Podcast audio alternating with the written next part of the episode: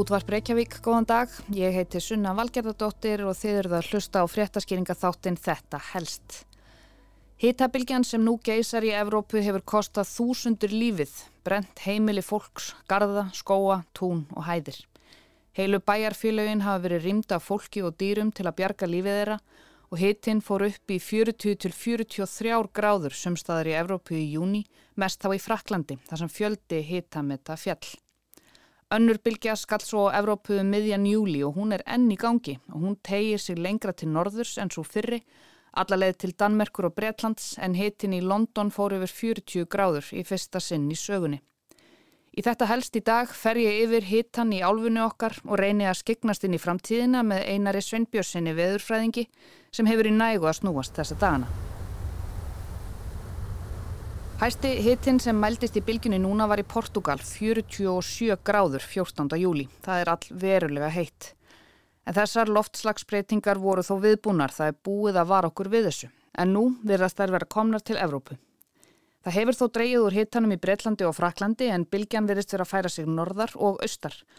Mörg þúsund slökkulismenn um alla álfuna berjastuð skóarelda meðal annars á Íberjuskaga, Greiklandi, Ítalju, Fraklandi og víðar.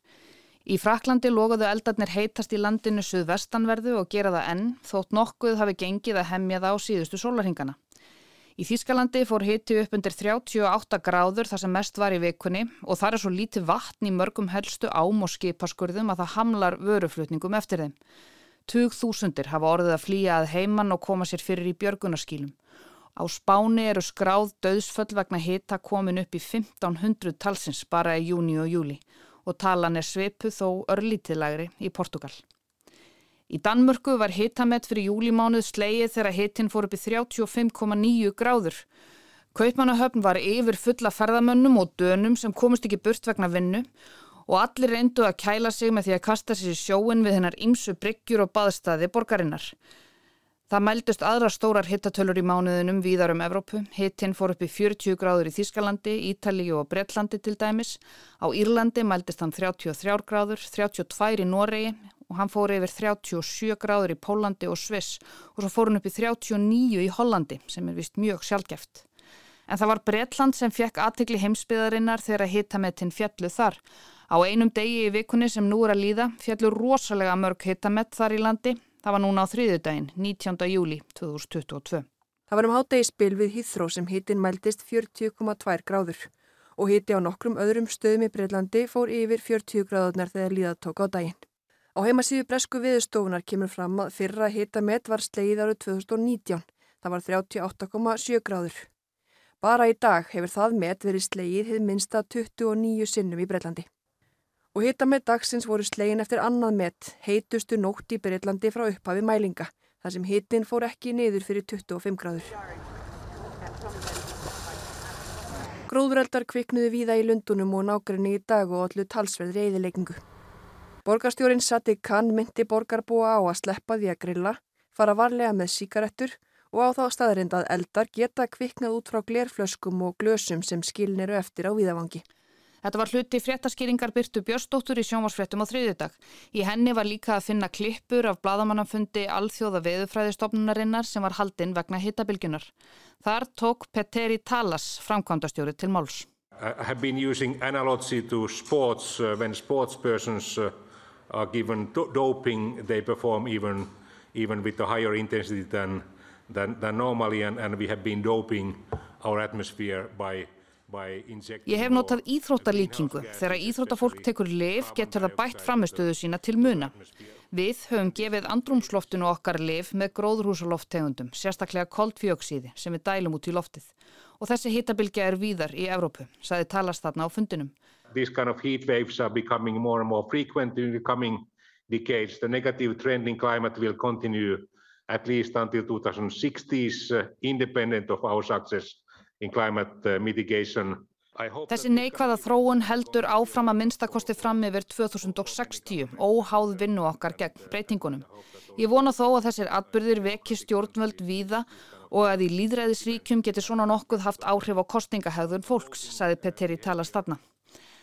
Þannig að þetta verður svona áfram að minnstakosti næstu 40 árið að svo, sama hvað við gerum. Einmitt það. Sunna Ósk Logadóttir, bladamæður Kjarnans, skrifaði skýringu um hittabilgjuna í vikunni. Þar segir meðal annars að hittamett hafi fallið á að minnstakosti 188 stöðum viðsvegar um heiminu í ár. Af þeim hafa 50 fallið undanfarnar viku. Til samanburðar hafa aðeins átján kuldamett fallið á þessu ári og þetta ójabægi er til marksum loftslagsbreytingar af mannavöldum. Þetta er svo nattræna hlínun sem búast má við vegna aukina gróðrúsaloftegunda, hefur CNN eftir Gabriel Vecchi, loftslagsfræðingi og prófessor við Princeton Háskóla. Loftslagsbreytingar drepa, sagði Pedro Sánchez, forsættis á þeirra spánar í vikunni þegar hann heimsótti þrjú svæði þar sem stjórnlausir skóareldar geisa. Loftslagsbreytingar drepa fólk, þær drepa vistkerfi og lífbreytileika. Spán hefur orðið mjög illa úti í hitabilgjunni síðustu daga. Sunna Ósk vittnar í skýringurinn sinni í BBC sem hefur komist að því hverjir það eru sem að eiga á hættu að verða vest úti í hitabilgjunni í Breitlandi. Niðurstaðin er svo að fólk í fátakastu hverfunum, hvort sem er á Englandi, Wales eða Skotlandi, er tvöfalt líklæra til þess að búa við umtalsvert meiri hita en nágrannar þeirra. Þetta skýrist af fyrirbreyði sem kallast Urban Heat Island Effect, heitar borgaregjur sem skýrist að því mikla magni steip og malbyggs á afmörkuðum svæðum sem gleipa í sig hita og sólaljósinu. Í hverfum efnameira fólks eru fleiri og stærri græn svæði sem draga úr þessum áhrifum og þetta getur skipt gríðarlegu máli. Í fyrra komst BBC að því að í einu hverfi var hitin 5 gráðum heitari en mæltist í almenningskarði skamt frá. BBC telur að 6 miljónir manna búi á þessum heitu borgaregjum í Breitlandi, segir Sunna Ósk í greinsinni í kjarnanum. En ég sló á þráðin til Einar Sveinbjörnssonar veðurfræðings til þess að fá hans sérfræði vísindarlega álit á þessum hamförum og ég var reyndar ekkert svo eina. Hvað segir þið gott? Herru, ég segi allt fínt sko, það er, það er, það er aldrei mikið verið að kappa á mér út af þessum hittum sko. Já, ég trúi því. Um, þannig að ef við kannski, kannski bara byrjar á því að, að fara svona aðeins yfir þetta eins og þetta lítur út í dag og uh, hvernig þetta hefur verið núna síðustu dag og hvernig þú sér kannski fyrir næstu, næstu dag í Evrópu. Já, sko það hafa verið að falla hittamett, ég ég hef ekki yfir sín yfir öll þessi hittamett sem hafa verið að falla en þau sem eru kannski áhugaverður svo standa upp úr, það eru þetta hittamett á Englandi, í Koningsby, í, í Lincoln skýri þar sem að hittin maldist, eða fór í fyrsta sinni yfir 40 gráður á, á Breitlandsegum og, og það, sagt, það sló fyrra met um hvað 1,6 gráður eða maður rétt. Og hérna og svo hins vegar í, í sagt, á miðvíkudag að þá mældist í Hamburg yfir 40 steg hitti líka. Það er þótti, þótti, e, þótti til mikill að tíðinda í, í Þísklandi að svo væri en eh, sko það hefur verið hlýtt líka og, og, mjög hár hiti og, og háartölur fyrst á Spáni og Portugal, þetta kom þaðan síðan í Fraklandi og Niðurlöndum og á, á Englandi og núna síðast í, sagt, í norður Evrópu, þar að segja við Ístrasaltið. En eh, smám saman ennu að draga úr þessu sko, það dregur úr mætti og vægi hitans í þessari bólu. Uh, menn hafa verið að fylgjast með hittamælum til að mynda í Danmörku og Finnlandi og Svíþjóð og þar er svona hittin er að, já, vissulega mjög lít en það eru sjálfnast um einhverju metaræða þar. Eh, reyndar er það svo að undanfærin sumur og þá hafa með verið að sjá óvinnilega háar hittatölur svona annað veifið miða við það sem að gengur og gerist. Já sko ég sá einhver skrif um það að síðasta, síðasta áratug miða við áratugin 50 til 60 að þá sé 35 stiga hitti í nokkrum borgum á norðanverða Evrópu um sjösinum algengari núna en var áður fyrir hálfri öll síðan. Og uh, það er afar líklegt að með áframhaldandi auknum gróðursáhrifum og hlýnendur lofslagi að þá aukist tíðni á hittabilgjum. Það er alveg ómögulegt að segja til um það hversu bratt þetta kom inn eða hvernig þetta kom til með að breytast.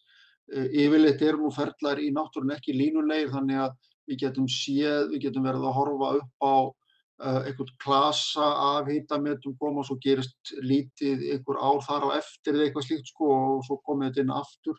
Það er svona algengara en uh, en ég sé það líka að, að, að ráðamenn í þessum löndum, í þessum ríkjum eru farnir að tala sko frekar um það að menn verða aðlagast þessum breytingum heldur en, heldur en auðvitað leggjum mann áherslu á að, að grípi tauman að það tekur auðvitað tíma en menn verði líka aðlagast svona hittum eins og, eins og þarna voru og, og það kom í ljós til að mynda á Englanda innviðinir voru veiki til þess að takast á við þetta. Það voru lestarteinar sem voru að skekkjast eða ofitna, það voru raflínur að slegast og, og svo eru þetta ekki loftkæling e, til staðar viðaskar á Breitlandsegin.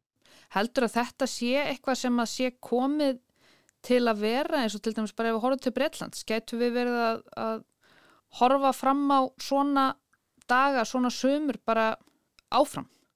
Já, sko, í sjálfu sér, sjálfu sér sko, er það ekkit nýtt að, að það að það verði komið góðir sumardagar og, og, og góð sumur á Breitlandsegum og í Norður-Európu. Hérna áður fyrir voruð kannski annars eðlis að, að það var samfélgur góður að kapli í, í halva mánu þrjár vikur og enn lengur.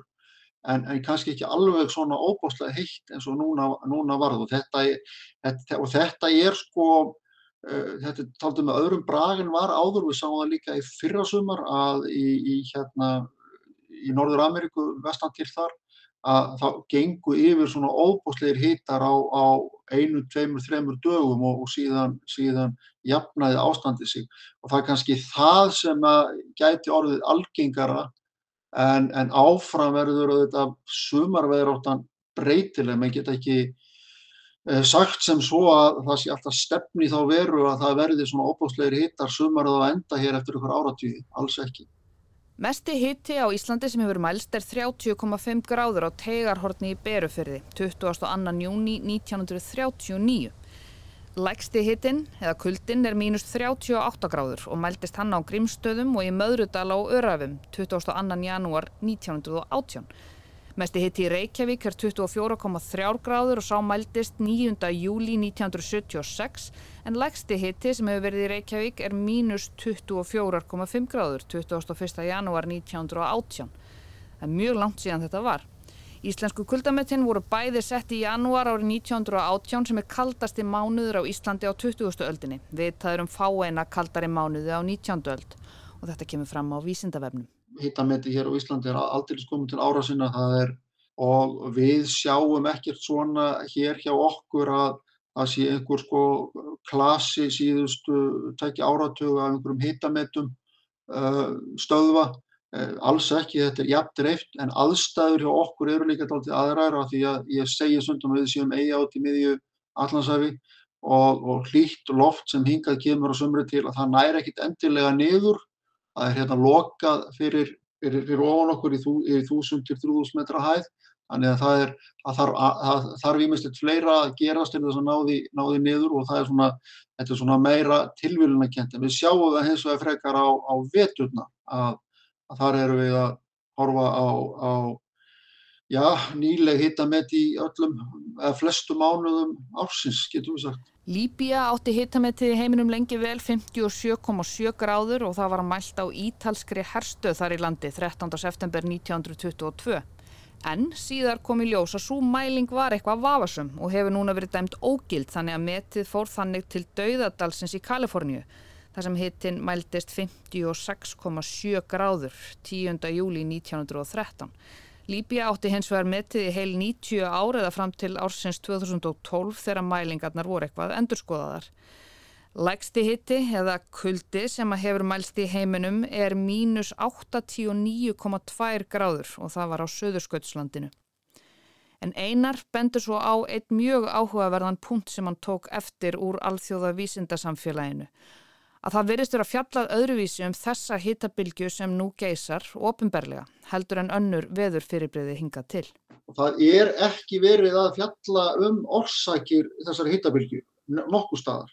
Það finnst mér benda til þess að menn eh, séu eitthvað að klóra sér í höstum yfir þessu. Sko. Þetta, er ekki, þetta, þetta er eitthvað meira á stærra og óviðráðanlega að menn hafa verið að sjá áður. Sko. Það er til dæmis ekki komin þessi þessi breyða skýringi Guardian sem að þeir eru yfirlt alltaf mjög fljóttir sko. Það var auðvitað heitbóla sem kom frá Norður Afríku og, og hún rutti sátta norður yfir og þetta er bara svo afbyrðilegt og alltaf könda að hérna, ég held að menn legg ekki í að sko skýra þetta almenna því að þeir, þeir það tekur bara tíma að skoða þetta um kjölinn sko.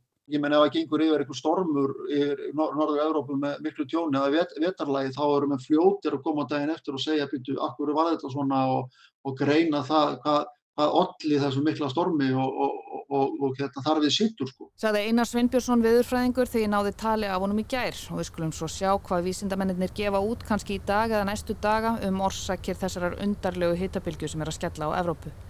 Heilbriðis yfirvöld hafa varað fólk víða við hittunum þó ekki hér á landi eins og við flest vitum líklega en þau sem eru í útlöndum eiga að muna að reyna að halda sér í skugga þegar hægt er, drekka nóg vatn, forðast áreinslu og reyna að halda sér nálagt vatni.